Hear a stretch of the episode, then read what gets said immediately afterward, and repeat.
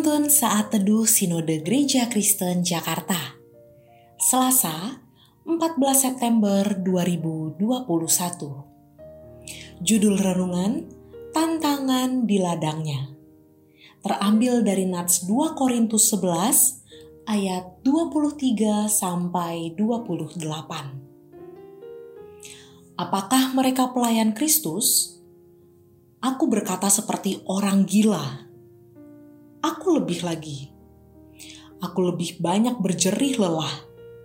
Lebih sering di dalam penjara, didera di luar batas, kerap kali dalam bahaya maut. Lima kali aku disesah orang Yahudi. Setiap kali empat puluh kurang satu pukulan, tiga kali aku didera. Satu kali aku dilempari dengan batu, tiga kali mengalami karam kapal. Sehari semalam aku terkatung-katung di tengah laut. Dalam perjalananku, aku sering diancam bahaya banjir dan bahaya penyamun. Bahaya dari pihak orang-orang Yahudi dan dari pihak orang-orang bukan Yahudi. Bahaya di kota, bahaya di padang gurun, bahaya di tengah laut, dan bahaya dari pihak saudara-saudara palsu. Aku banyak berjerih lelah dan bekerja berat. Kerap kali aku tidak tidur. Aku lapar dan dahaga. Kerap kali aku berpuasa, kedinginan dan tanpa pakaian. Dan dengan tidak menyebut banyak hal lain lagi.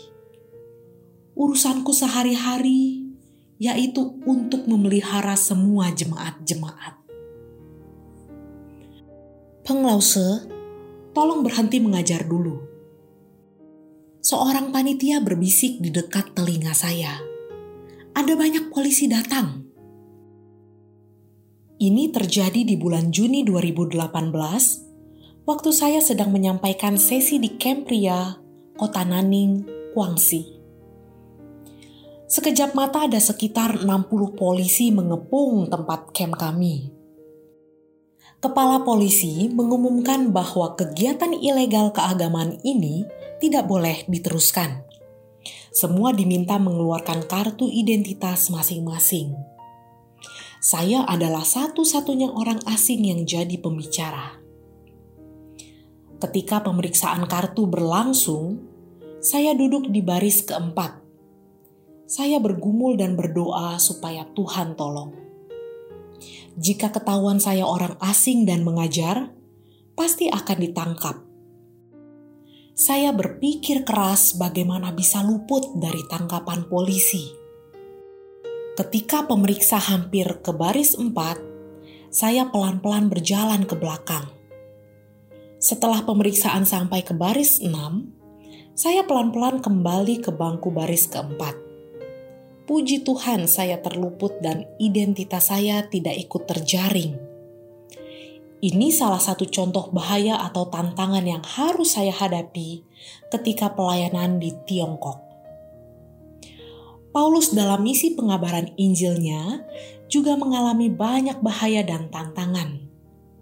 Kalau kita melihat tantangan dan kesulitan yang dihadapi Paulus, maka tantangan yang kita hadapi hari ini tidak ada apa-apanya pengalaman Paulus tercatat di 2 Korintus 11 ayat 23 sampai 28. Ia pernah dipenjara, didera di luar batas, disesah lima kali, sekali sesah 39 pukulan, dilempari batu, tiga kali karam kapal, sehari semalam terapung di tengah laut, menghadapi banyak bahaya dalam perjalanan, kerja berat, berjerih lelah, sering tidak tidur, lapar, haus, dan lain-lain. Semua ini dia lakukan demi Injil Tuhan. Kesulitan dan tantangan yang dihadapinya tidak membuatnya mundur selangkah pun.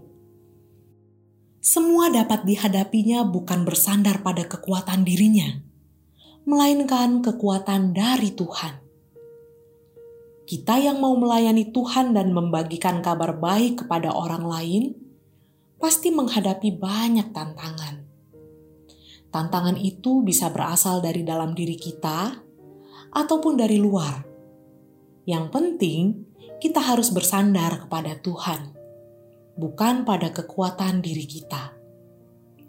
Tuhan pasti akan memberikan jalan keluar bagi setiap orang yang mau bersandar kepadanya. Bersandar kepada Tuhan, semua tantangan pasti dapat dihadapi. Tuhan Yesus memampukan kita.